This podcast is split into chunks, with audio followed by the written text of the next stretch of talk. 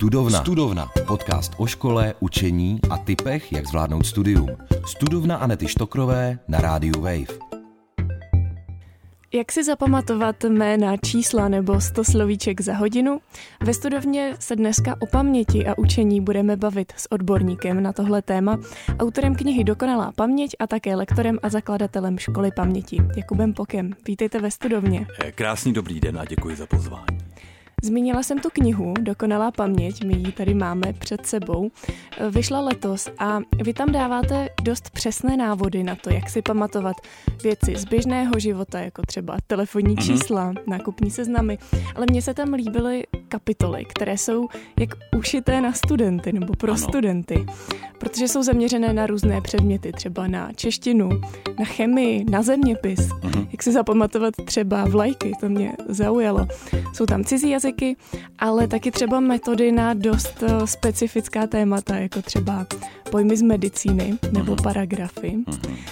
Já bych na začátek ještě řekla, že jste hostem studovny velmi povolaným, protože jste studoval tři vysoké školy. Proč jste to dělal? Eh, já jsem vždycky chtěl studovat jazyky, tak na počátku to byl spíš ten humanitní směr, mě vždycky bavila angličtina, němčina a pak eh, jsem v jednu chvíli Abych pravdu řekl, tak mi k tomu přivedl náš tatínek, který říkal, hm, jazyky jsou perfektní, ale co třeba právo? Nechtěl by si studovat právnickou fakultu a já jsem říkal, no tak není to špatný nápad, ale teď už jsem starší, že jo, tak jako nevím, jestli ještě to vlastně dám mentálně. A nakonec ta právnická fakulta mi velmi chytla a začal jsem studovat právnickou fakultu a myslím, že to se nejenom hodí pro život, ale kdyby člověk třeba se chtěl vrátit k té právní čině, tak kdykoliv může. Tak to byla ta druhá škola. První byla eh, tam humanitní škola, no a třetí byla Fakulta sociálních věd, rakouská německá studia. Já jsem měl možnost nějakou dobu studovat v Německu a to, ta německá část, ty německy mluvící země mě vždycky velmi lákaly. Já tu Němčinu prostě miluju, tak proto jsem si vybral ještě jednu školu. Zkrátka mm, jsem postupně zjišťoval, že mě toho vlastně baví mnohem víc a jak jsem ty paměťové techniky měl, v té době už jsem je, si troufnu říct, relativně dobře ovládal, tak to pro mě bylo podle mého názoru snažší, než kdybych je neznal a ty věci se prostě klasicky bifloval, jak jsem tomu ale dělal na základní škole, takže já myslím, že s tím biflováním mám taky velmi dobrou zkušenost. Nevím, jestli úplně příjemnou, ale taky jsem se věci bifloval. Jak jste se dostal k tréninku paměti? E, právě jak jsem zmiňoval to Německo, já jsem rok měl možnost studovat na německém gymnáziu a tam v jednu chvíli mě oslovil můj spolužák a říkal, že jde na Gedächtniskurs, e, český paměťový kurz, takový dvou, tří hodinový, jako ochutnávku. Já jsem říkal, no počkej, paměť mám dobrou, nepotřebuji Gedächtniskurs. On říkal, hele, pojď, je to nějaký mistr, on tam uloží třeba 20 telefonních čísel do pěti minut a Ehm, celý balíček 52 kanastových karet taky uloží třeba za dvě, tři minutky. Celkem fascinující výkony tam bude ukazovat. Tak pojď, podíváme se tam a uvidíme. No já jsem tam přišel a teď jsem viděl před námi stál pán, který si uložil 52 po sobě jdoucích karet za necelé dvě minuty. A to mě připadalo prostě neuvěřitelné. Já jsem si, hned co mě napadlo, ten člověk má prostě fotografickou paměť, to je genius, který je jeden z milionů lidí, ale velmi rychle jsem pochopil v rámci těch už jenom vlastně dvou, tří hodin, což byla ta ochutnávka, to jsou vlastně paměťové techniky, které se může naučit naprosto každý. Čísla, piny, kódy. Ehm, dokonce se dají tam tímhle způsobem uložit i třeba 500 binárních čísel v libovolném pořadí 01, 01, 1, 00 ale do pěti minut, což přirozenou pamětí prostě nedáte ani 20, možná 30 maximálně. Tohle je prostě několikanásobně více. Tak o těch paměťových technik, respektive takové zajímavosti spíš, protože nepotřebuji se asi naučit hm, tisíc binárních čísel a 20 telefonních čísel za pět minut, i když teda musím říct, je to velmi zajímavá záležitost. Jsem se vlastně potom dostával postupně k těm praktickým věcem, což jak si uložit historická data, jak si uložit slovíčka a tak dále a tak dále. Tak pojďme na to, já se na to strašně těším, až nám to tady představíte, protože věřím, že to je užitečné nejen pro studenty. Tak eh, pojďme začít těmi jmény. Hmm. Eh, jak asi jmény spolužáků, která si třeba potřebuju zapamatovat někde na seznamováku, tak právě třeba historická jména. Většinou asi se setkáme s nějakými autory děl hmm. nebo různých teorií. Hmm. Hmm. Tak jak na to? Je zapotřebí si uvědomit vlastně, jak funguje naše paměť na úplném počátku. Že vlastně biflování je tak trošku proti principům fungování paměti. Biflování vlastně já bych označil jako kolikrát eh, opakování si nahlas nebo pro sebe v duchu nic neříkajících slov pořád do kolečka. Ano, to ne tak vždycky úplně dobře funguje. Učitelé mi třeba přiznávají, to je hodně tady spíš pro studenty, ale učitelé mi přiznávají, že v září, když přijdou nové dvě, tři třídy, to může být klidně 90 dětí, tak um, je velmi těžké pro ně si osvojit ty, mm, ty, ta jména, to znamená, že rychle se naučit, jak se kdo jmenuje a je to vlastně, bylo by to příjemné, kdyby to znali vlastně na první dobrou. Takže je dobré si na počátku uvědomit, že vlastně jména, slovíčka jsou pro nás neuchopitelná.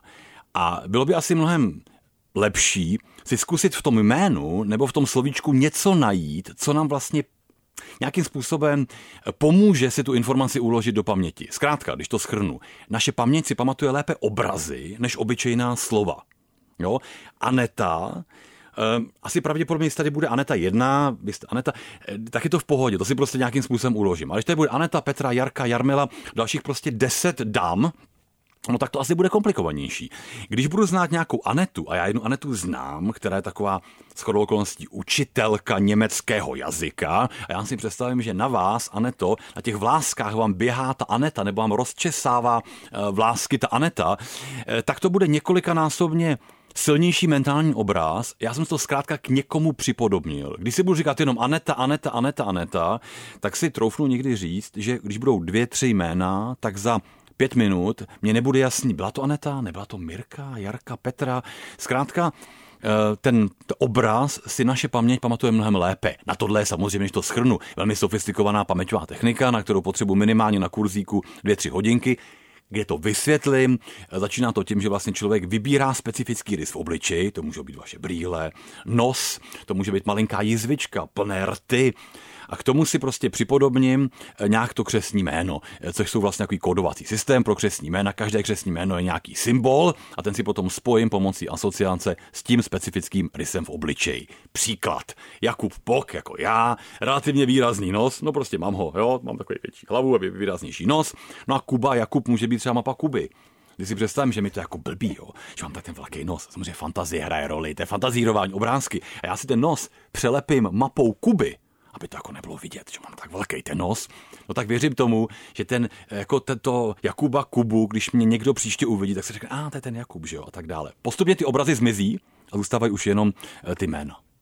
Takže uh, u těch děl potom třeba si takhle můžu spojovat různě ty názvy třeba těch děl s takovými dalšími obrazy. Určitě, nebo si můžu dát krátký příběh, dám třeba, eh, paměť velmi dobře slyší i na příběhy. Jedna z těch krátkých paměťových technik, nebo ten těch zásad, eh, je systém spojování. Udělat si z těch pojmů nějaký příběh. Dám malou ochutnávku. Eh, z našeho kurzu jednoho mi tam říkal student, potřebuji si uložit obrovské množství děl, Jakube, jak to mám zvládnout. Já říkám, pojď mi říct, nějakého autora, čtyři díla. On říkal Kafka. Franz Kafka, proces, proměna, zámek, Amerika. Já říkám, buď si to můžeš pořád do kolečka opakovat, ale pojď si udělat za 10-15 vteřin krátký příběh. Čím více fantazie, ty děti, ty studenti mají velmi dobrou fantazii. I dospělí, jenom na to občas dospělí zapomínají. Eh, když si představím, že Kafka, pták Kafka, je fantazie, jo? třeba něco ukradne a oni s ním vedou velký proces. Soudní proces. Proces je první díl. Během toho procesu ten Kafka, nebo ta Kafka, se promění v neviditelného proměna, odletí na svůj zámek, no a ten zámek má třeba střechu z americké vlajky. Když člověk zavře oči a udělá to krátké opakování, tak bezpečně by měl znovu dát eh, dohromady ten příběh, že Kafka něco ukradne, vedou s ním velký proces. Během toho procesu se promění, jo, takže proměna na zámek Amerika. Proces proměna zámek Amerika. Když si udělám dvě, tři opakování v následujících třeba 24 hodin, hodinách, což je otázka prostě tento příběh zopakovat za 8-10 vteřin, no tak to prostě mám v té paměti. Ten příběh postupně odejde a ten student bude schopen říct, Proces, proměna, zámek, Amerika. A je úplně jedno, jestli to prostě bude Kafka, nebo to bude Remark, kde Remark, Erich Mach, já Remark, já, jde, jdou prostě jsou ty tři, s třema kamarádama jde, tři kamarádi, projde pod vítězným obloukem, jo, takže tři kamarádi vítězný oblouk, potom vzadu úplně je ten, na západní frontě je ten klid, no a tak dále a tak dále. Tak se dá uložit obrovské množství věcí, buď do příběhu, anebo samozřejmě potom sofistikovaně do paměťové cesty, která může mít těch děl tisíc, pět tisíc. Zní to neuvěřitelně, ale funguje to. Jak funguje ta paměťová cesta? Paměťová cesta funguje tak, že si člověk vlastně vytvoří v nějaký, nějakém námi známém prostoru body, reálné body na počátku. Dám příklad, to by v této místnosti mohlo být první mikrofon, další váš monitor, třetí třeba ta moje bunda odložená a další ta klika. Jo? Jaký je první bod? První bod je mikrofon, další je ta obrazovka, další je ta bunda a další ta klika. Tak to si člověk udělá, studenty děláme velmi rychlou, krátkou, třeba 20, 30 bodovou paměťovou cestu. To uděláme za 5-10 minut, jo, jde to krásně si prostě zopakují a pak říkají mikrofon, televize, bunda a kliká, no a pak si na to klidně mohou dát nějaké informace. Jo? Když si prostě budu chtít dát, že um, já nevím, Kundera, třeba Milan Kundera, tady prostě vidím, jak mi sedí Milan Kundera, nevím, jaká kuna, jo, trošku mi to jako připomíná Kundera, jo. Tady prostě uh, na té obrazovce, té druhý paměťový bod, tam tancují valčík na rozloučenou, jak se loučí, že jo, valčík na rozloučenou, že jo. Ta, uh, ta moje bunda je nesmrtelná. Ona je nesmrtelná. Ona prostě mě vydrží celý život. Nesmrtelnost a tak dále. Jo. A pak řekl mm. lidi, já říkám, pojď mi říct a autora, oni řekl Kundera, první, Valčík na rozloučenou, druhé dílo, nesmrtelnost. A samozřejmě, když lidé znají i techniku na čísla, tu fenomenální techniku master systém, kterou v dokonalé paměti v té naší knize krásně popisujeme, tak se můžu dát i data, datum narození a tak dále, jo, když získal, emigroval, kdy emigroval a tak dále, když by získal, jo, kdo má Nobelovou cenu, kdy získal třeba Nobelovou cenu za literaturu. Takže je to vlastně velmi krátká eh, a nic jako náročného. Je to velmi jako srozumitelná věc, kterou pochopí naprosto každý. Takže já se potom vybavuju eh, ve své paměti tam místa a jakoby vidím tam ty věci umístěné na, na té mapě. Naprosto správně. Dokonce, ale to je fakt zajímavé, že lidé kolikrát říkají, takže za prvý, za druhý, za mhm. třetí. A aniž by vlastně oni viděli, tak já se vždycky trošku jako pro sebe usměju, jo? ale příjemně, jako pozitivně, že říkám, jo, jo, když vlastně ty děláš krátkou paměťovou cestu. Vlastně člověk je schopen se k tomu obrazu vrátit mnohem lépe, než tomu nabiflovanému, eh, té nabiflované informaci. My se spoustu věcí naučíme jako jen tak, že si je prostě jako přečteme a jdou nám do paměti v pohodě. A když teď tady někomu řeknu, pojď tady uložit deset nových autorů, který fakt neznáš a k tomu deset děl, tak věřím tomu, že to prostě bude trvat třikrát, čtyřikrát pomalej, než um, um, u někoho, kdo ty paměťové techniky ovládá. Jak je to s těmi čísly? Protože tam mi přijdou ještě víc abstraktní než ta slova. Mm, mm. Ale ta technika, jsou dvě techniky na čísla. Jedna taková krátká, to je technika číselných vazeb, to znamená, že každé číslo eh, připomíná nějaký symbol. No, jednička trošku vypadá jako svíčka. No, dvojka jako labuť, trojka jako želízka a tak dále. Jo? A člověk si vlastně pro těch devět, respektive deset včetně nuly, udělá e, pár symbolů. Máme taky v té knize, je to otázka hm, třech, čtyřech minut a navždy má ten systém na čísla. To je jako taková technika, která je, a pak vlastně z toho udělá mini příběh. Jo? To znamená, že když by měl třeba někdo PIN, 2-0, 2-0, třeba 2-0, 3, 1, Jo, tak si z toho prostě můžu dát krátký příběh, jak nakráčí labuť, jo, ta dvojka do banky, teďko trošku jako vyprdne vajíčko, jo, 2-0, vidíte takový ten, ta ochranka, dají želízka, to je ta trojka, že jo, a pak si na ní pořádně posvítí tou svíčkou jedna taková krátká paměťová technika, která se dá rychle použít, ale ten, kdo opravdu chce ovládat eh, perfektně techniky na, techniku na čísla, tak jedna z nejfenomenálnějších paměťových technik je technika Master System. To znamená, že to je speciální exkluzivní kódovací systém, kdy se vlastně čísla převádějí na písmena, z toho se dělají symboly a ty symboly se potom používají buď v paměťových cestách nebo do příběhu. S touto technikou paměťovou Master System se dá opravdu uložit 20, 25, 30 telefonních čísel. Když mám každý kurz, tak vždycky před ním um, si vezmu všechny telefonní čísla, teď tam bylo u nás na kurzu 24 účastníků a já si všechny ty jejich telefonní čísla do pěti minut uložím a pak jim to na tom kurzu ukazuju, abych je nalákal, ne abych tam machroval. Ano, tak trošku tam vždycky zamachruju malinko, ale primárně by jde o to, abych těm lidem ukázal, co vlastně oni se taky můžou naučit. A to není o genialitě jedince, no to v žádném případě. To je geniální paměťová technika. Předpokládá to velkou fantazii. Mají opravdu všichni? Já si myslím, že úplně všichni, že ty studenti mají fenomenální. Jenom v jednu chvíli začneme dělat věci hodně všechno reálně, hodně realisticky, hodně všude jsou různý čipy, všechno si píšeme do různých jako mm, na, na papíra nebo spíš do mobilů. Vlastně té fantazie mm, tu fantazii tolik nepoužíváme na jednu v jednu chvíli. Jo? Maximálně se jde podívají na Harryho Pottera a řeknou, jo, to je ale krásně, to baví, že ten Harry Potter, jo, jak tam ta Rowlingová, že jo, to jsou vlastně, to je, to je vyloženě jo, střelila prostě do lidské fantazie, když bych to tak mohl vyjádřit. Eh, každý má perfektní fantazii a je perfektně trénovatelná. My na počátku, to je vždycky úvod, to je i v té naší knížce úvod, musím zmínit, eh, kdy tam trošku chci, aby lidé potrénovali tu fantazii, aby mi třeba spojili kabel a velbloud. A lidé říkají, co? Někteří, cože, jak? Já říkám, pojďme spojit kabel a velbloud. Čím absurdnější obraz, tím lépe. Co vás, a ne to první napadá, když vám řeknu kabel a velbloud, co by ty dvě věci mohly dělat dohromady? To vás jako první, absurdně, úplně první netaktizujte. Mohl by to velbloud třeba sežrat a byl no by to, to problém. Naprosto geniální, tak tí, takže u vás bych se absolutně nebál. Jo, ti lidé, kteří v rádiu dělají, oni tu fantazii mají, že jsou kreativní a tak dále. A já teďko tam těm lidem dám 10 dvojic, na počátku a chci na nich, aby mě těch deset dvojic nějakým způsobem spojili. Jo? A pak jim řeknu kabel a oni mi řeknou velbloud. Všichni do vteřiny. A najednou ty jak koukají, jak třeba půl minutky koukají, když to skončí. Říkají, to není, to není možné. Já jsem si uložil deset věcí pomocí asociance bez jediné chyby. A já říkám, Teď jsi uložil 10 a teď si prostě zkus představit, že si uložíš třeba 100 nebo 200 slovíček pomocí podobné paměťové techniky, respektive pomocí asociací a fantazie. Je to otázka jenom tréninku, ale ne trénink 10 let, otázka opravdu 2-3 eh, hodinky potrénovat fantazii a vědět, jak na to. Když někdo říká takové to, já jsem ale blbej na jména nebo na letopočty, je to opravdu tak? Máme nějaké různé predispozice nebo je to zase o tom tréninku? Eh, jsou takové tři nejtěžší věci, eh, které nám z paměti nejčastěji vypadávají. Na první místa jsou, na prvním místě jsou jména obličeje. Opravdu ty, ta jména, obličeje dobrý, jo? Takhle ta, jo, ta Aneta tenkrát v rádiu, ale to jméno, kde je to jméno? Je to, nebo to Petra, je, sakra, jak se jmenovala. Jména jsou na prvním místě, pak jsou čísla, proto právě na jména na jména čísla a poslední jsou slovíčka. A na ty tři oblasti jsou vlastně konkrétní paměťové techniky.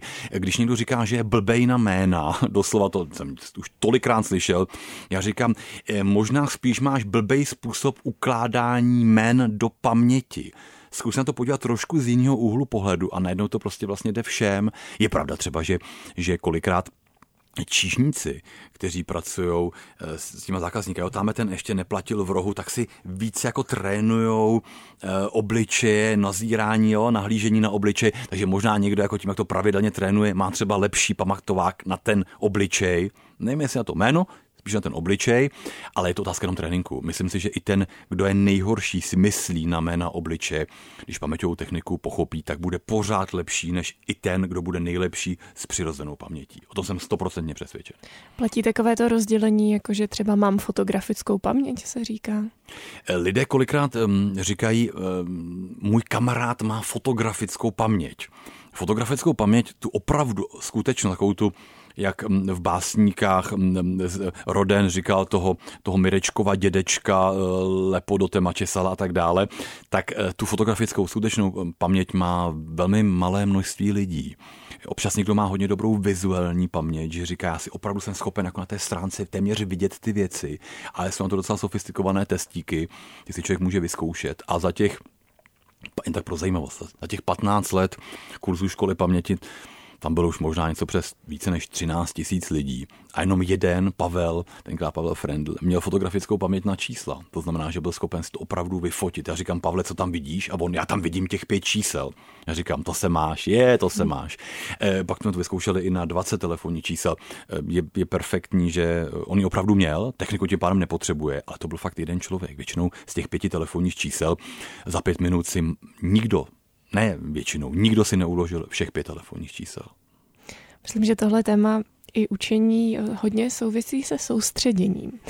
Eh, já mám trošku i sama na sobě to vidím, pocit v dnešní době prostě eh, roztěkané, kdy přijímáme spousty informací uh-huh. denně, třeba krátká videa na sociálních sítích jakmile eh, chvilku scrolluju prostě sociálními sítěmi a pak se mám mít učit, tak ta soustředěnost, jako je to náročné. Tak eh, jaké na to máte eh, typy a rady? Já si myslím, že teď jste krásně zmínila vlastně to, jak to funguje. Vlastně multitasking nefunguje. To by se měli všichni prostě uvědomit, že není možné se soustředit na dvě věci souběžně. Prostě to není možné. To znamená, že když se něco učím, a teďko mi sms uh, jo, pinkne, nebo, nebo jo, já pipi, tak v tu chvíli ta v té, ty neurony v té synaptické štěrbině se vlastně rozepnou a sepnou pro jinou jinou věc, pro to čtení té SMSky a pak se znovu vrátí na zpátek. A to neustálé přepínání mezi tím je vlastně multitasking. Ale paměť, dobrá paměť, je koncentrovaná paměť. Bychom se prostě na tu věc, když se učíme slovíčka nebo cokoliv se učíte jiného, tak bychom vlastně se na to měli koncentrovat a bylo by asi vhodné, aby byl vlastně klid, aby jako spíš byl klid, aby třeba mobil byl vypnutý. Já myslím, že nepotřebujeme mít pořád zapnutý mobil, prostě půl hodinky se teďko učím, já bych osobně ten telefon vzal. Tak to dělám já. Když se něco učím, nějaká slovíčka nová, nebo nějaký text, nebo aktivně čtu prostě třeba nějaký německý text, chci se naučit prostě z jiné oblasti slovíčka, tak prostě vždycky vypnu telefon. Vždycky vypnu telefon, abych měl úplný klid. Eh, vlastně dobrá paměť je koncentrovaná paměť. A čím více budeme scrollovat, čím více vlastně budeme dávat ty podněty, jakoby té paměti, takový to rychlý dvou, tří, pěti, šesti, sedmi vteřinové video, tak tím vlastně více trénujeme nekoncentraci. To znamená, že vlastně děláme všechno proto, tím, že tady budeme pořád dvě, tři hodiny denně scrollovat, abychom tu paměť prostě měli horší. Protože paměť se prostě musí umět koncentrovat. Oni velmi dobře ví, jak ty sociální sítě vlastně vytvořit a čím kratší video, tím větší množství dopamin, že jo, nadšení a tak dále. Ale bylo by třeba zajímavé, kdybychom po dvou hodinách, pak když budeme scrollovat, si řekli a teď zavři oči a pojď mi pět minut povídat o tom, jaká jsi viděl videa. Kde jsi viděl video, jaký video, o čem bylo, co se dozvěděl, třeba nějaká blbina, ale pojď mi říct. A já si troufnu říct, že po těch dvou hodinách lidé kolikrát by nebyli schopni ani minutu hovořit o těch videích protože vlastně to je jenom bezmyšlenkovité scrollování mezi těmi věcmi. Byl bych velmi opatrný, příliš velké používání sociálních sítí, hlavně u studentů a tak dále. Opatrně na to. Někdy samozřejmě tam člověk jako správně se chce odreagovat, proč ne, ale jako dvě, tři hodiny denně na sociálních sítích to nedává v rámci paměti nebo pro podpoření dobré paměti absolutně žádný smysl. Ještě co se týká uh, učení a nějaké vlastní uh, zkušenosti, tak uh, já třeba um, mám to, že se učím do poslední chvíle před tou zkouškou. A slyšela jsem mnohokrát, že to není jako dobrá taktika. Ale já mám prostě pocit, že pak si to jako budu všechno líp pamatovat. Tak mě zajímal váš názor na to, jak se takhle učit před tou zkouškou. Ale to někdo v tom, někdo v tom stresu prostě pracuje rád, že říká, tak teďko už opravdu musím a vrhne se na to. Bylo by třeba zajímavý, když ta zkouška skončí, máte třeba ten zápočet, jo, nebo tu zkoušku prostě máte splněnou. Eh, jak to třeba vypadá potom po třech, čtyřech, pěti dnech? Kolik tam těch informací stále ještě máte? takový to, jak často slýchávám, eh, jeden, jdou dva studenti na zkoušku, jeden odchází z té místnosti a ten druhý na něj, tak co, co máš? A on, za dvě jakou jsi měl otázku? No už nevím. Jo? To znamená, že lidé kolikrát velmi rychle pustí tu informaci z té paměti. Záleží vždycky na tom, jestli tu informaci potřebuji chtít uložit dlouhodobě anebo krátkodobě. Naprosto rozumím tomu, že budou zkoušky, kde potřebuji mít jenom tu jedničku, dvojku nebo prostě projít nebo ten zápočet na té vysoké škole, ale pak jsou oblasti, že by připadá třeba vhodné, na té právnické fakultě třeba dám příklad, aby člověk ty zásady z té teorie práva prostě znal i dál, neboť pak to vlastně bude v tom občanském právu a tak dále, aby se to prostě posouval, aby nějaké věci člověk v té paměti prostě měl uložené a potom na ní jakoby nabaloval. Ale e, občas někdy se jen tak něco naučit na rychlo. Myslím si, že e, k paměti patří a k učení patří i takový, podle mého názoru, spíš klid, taková ta pohoda, rozplánovat si. Jo, taky možná je dobré, taky možná třeba není špatný i se dozvědět, jakoby, kolik času se učit. Jo? Lidé, to možná taková dobrá poznámka, pro všechny maximální doba koncentrace je kolem 50 minut, mezi 20 a 50 minutami. Delší učení vlastně nedává tolik smysl, protože lidé si poté více možná jakoby porozumí tomu textu, porozumí, bacha, porozumí, ale nemají ty informace uložené v paměti. Pochopení textu a uložení věcí do paměti jsou dvě naprosto rozličné veličiny.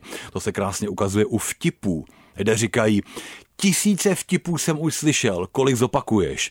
No já, oni většinou říkají, no tak maximálně dva z prosté o Pepíčkovi. To znamená, že my jsme ty vtipy ale chápali, my jsme jim porozuměli, ale v paměti je uložené nemáme. To znamená, že takový tak se říkají, po dvou hodinách jsem se jako tak příjemně do toho textu začetl, Bacha začetl, ano. Otázka je samozřejmě, kolik toho máš v té paměti opravdu uloženo. E, trofnu si říct, že 20 až 50 minut strop, e, jak bychom se dlouho měli učit a potom si dát krátkou pauzu. Přičemž opakování. Pozor, třeba možná to je dobrá informace. Opakování je efektivní opakování je na konci naučeného. To znamená, že já bych se naučil, učil bych se třeba půl hodinky, na závěr bych si řekl, jsem se naučil tohle, tohle, tohle, když se jenom v krátkosti zopakuji, jo, to byl proces pro mě na zámek Amerika, jasně, pak tam byly ty díla, že jo, to byl ten Kundera, Váčík na rozloučenou a tak dále. Udělám si krátké opakování, 3, 4, 5 minutové a tím posilním tu paměťovou stopu. Takže doba učení a první opakování a druhé a třetí jsou, myslím, že velmi dobře už ověřené záležitosti, vědecky ověřené záležitosti. Takže to opakování může probíhat těsně před tou zkouškou. Já nemyslím teď jako učení úplně na poslední chvíli, ale právě, že se třeba učím jako i v předstihu, ale pak prostě dokud jako nevejdu do té místnosti, tak si to furt musím číst dokola. Tak to je v pořádku. Já bych jako číst dokola záleží samozřejmě, jak se to jako dobře naučím, jestli s mhm. technikama mm. nebo ten tak jako jen tak si prostě opakuji. Já si osobně eh, jsem o tom přesvědčený, ty poslední výzkumy jsou naprosto jasný. Je takzvaná i vědecky ověřená Ebbinghausova křivka podle Hermana Ebbinghause, který velkou část svého života strávil s tím, že opakoval nějaké nic neříkající písmena, respektive slova a zkoušel prostě, jak mu mizí z té paměti. A myslím, že je to více než 150 let ta Ebbinghausová křivka zapomínání a každý student by se jí měl podle mého názoru dozvědět.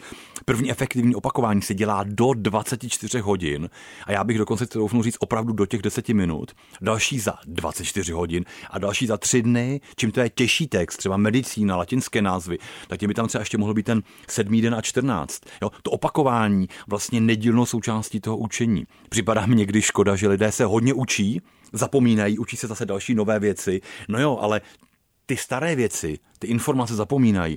Připadá mi mnohem efektivnější si vlastně udělat na konci naučeného krátké opakování, opravdu 3-4 minutky, nic komplikovaného, další za 24 hodin a další za 3 dny. Jenom si ty slovíčka prostě projdu. S technikama mentální obrazy, bez technik to znovu prostě zopakuji.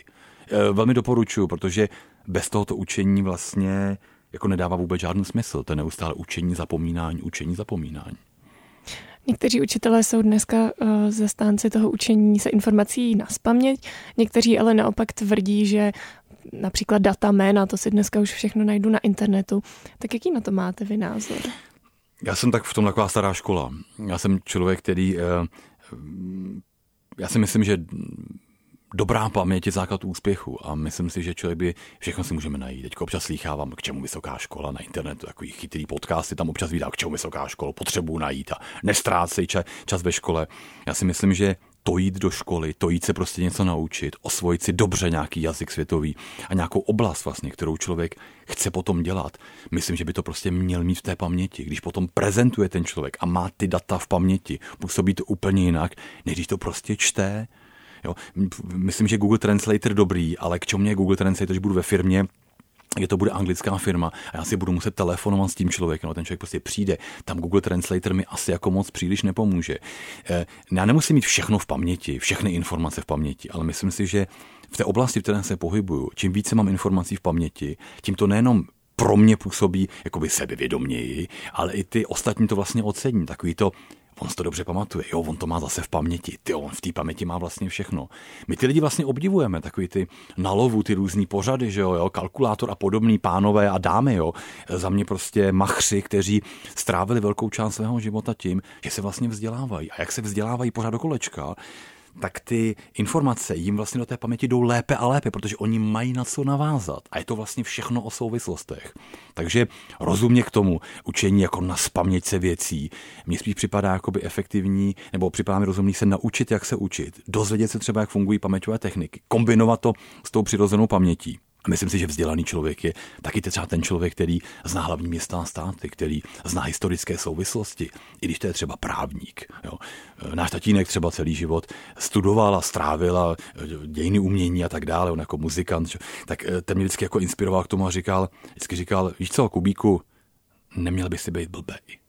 Měl by si taky vzdělávat, jo, vždycky říkal v jiných oblastech, vzdělávej se v jiných oblastech. Tak vždycky mě prostě inspiroval k tomu, když jsem byl hodně malý, mi to říkal, abych se prostě jakoby vzdělával a dá mi to smysl. Protože ten člověk, který má dobrou paměť, vytrénovanou třeba na historii, zeměpisu, tak se mnohem rychleji potom naučí třeba ten jazyk. A nebo naopak. A takový můj osobní názor. Tak pojďme na závěrečný tip. Co byste poradil sám sobě, když jste vy byl na vysoké škole? V rámci paměti a paměťových technik, jakože učení? Eh, v čemkoliv budete chtít. V čemkoliv, v čemkoliv. Ale uh, klidně i v těch technikách, v těch samozřejmě. Já už jsem se techniky paměťové naučil teda dřív, jo, od roku 16, mě bylo 15-16 let, od roku 96 ty paměťové techniky dělám, takže já už jsem je celkem ovládal. Eh, co bych poradil? Já bych se naučil nejenom paměťové techniky, kdybych je neovládal, aby mi ulehčili ten proces toho učení a taky bych se naučil, jak pracovat vlastní myslí, jak se uvolnit a uklidnit. Já vidím obrovské množství vystresovaných lidí, kteří vidí zkoušku a už si přehrávají to neštěstí, když to nedopadne, bude znovu opakovat a co když mě vyhodí. Já bych se naučil možná pracovat s tím, jak um, krásná kniha Uklidte si v hlavě, eh, která říká o tom, jak vlastně se sklidnit, být tady a teď. A to si myslím, že k té dobré paměti patří i to, jak uklidnit a trošku usměrnit vlastní myšlenky a být tady a teď. Takže já jsem takový velký fanda knih osobního růstu. A tahle oblast mi tenkrát, jakoby, kdybych ji znal jako teďko jí, myslím, že znám, nebo jak se v tom celkem orientuji, tak bych byl klidnější a možná by ten proces toho učení byl ještě lepší. Tak pojďme kromě knihy Dokonalá paměť zmínit třeba ještě dvě další nějaké. Tak jednoznačně jak se naučit 100 slovíček za hodinu. naše... Další kniha, kterou jste napsal, ale to naše knížka, která... A mně se líbí ta kniha Uklidte si v hlavě. Mm-hmm. A když se takhle ještě ptáte, tak krásná je moc přítomného okamžiku od Ekarta Toleho. Není asi úplně taková jednoduchá kniha na počátku, je to pro někoho, kdo už trošku tomu osobnímu růstu malinko věří a už pochopil základní nějaký principy, třeba jak se uklidnit, antistresové techniky a tak dále. To jsou takové dvě krásné knížky další, které bych já zmínil které eh, mě třeba hodně pomohly a pozitivně ovlivnily. Hostem dnešní studovny byl lektor a autor knihy Dokonalá paměť Jakub Pok. Díky, že jste přišel a taky, že jste sdílel svoje tipy a rady pro studenty. Já moc děkuji za, za pozvání a za parádní popovídání. Děkuji, Aneto. Studovna. Studovna. Podcast o vzdělávání, škole a studentském životě. S Anetou Štokrovou na rádiu Wave. Poslouchej na wave.cz lomeno studovna v aplikaci Můj rozhlas a v dalších podcastových aplikacích.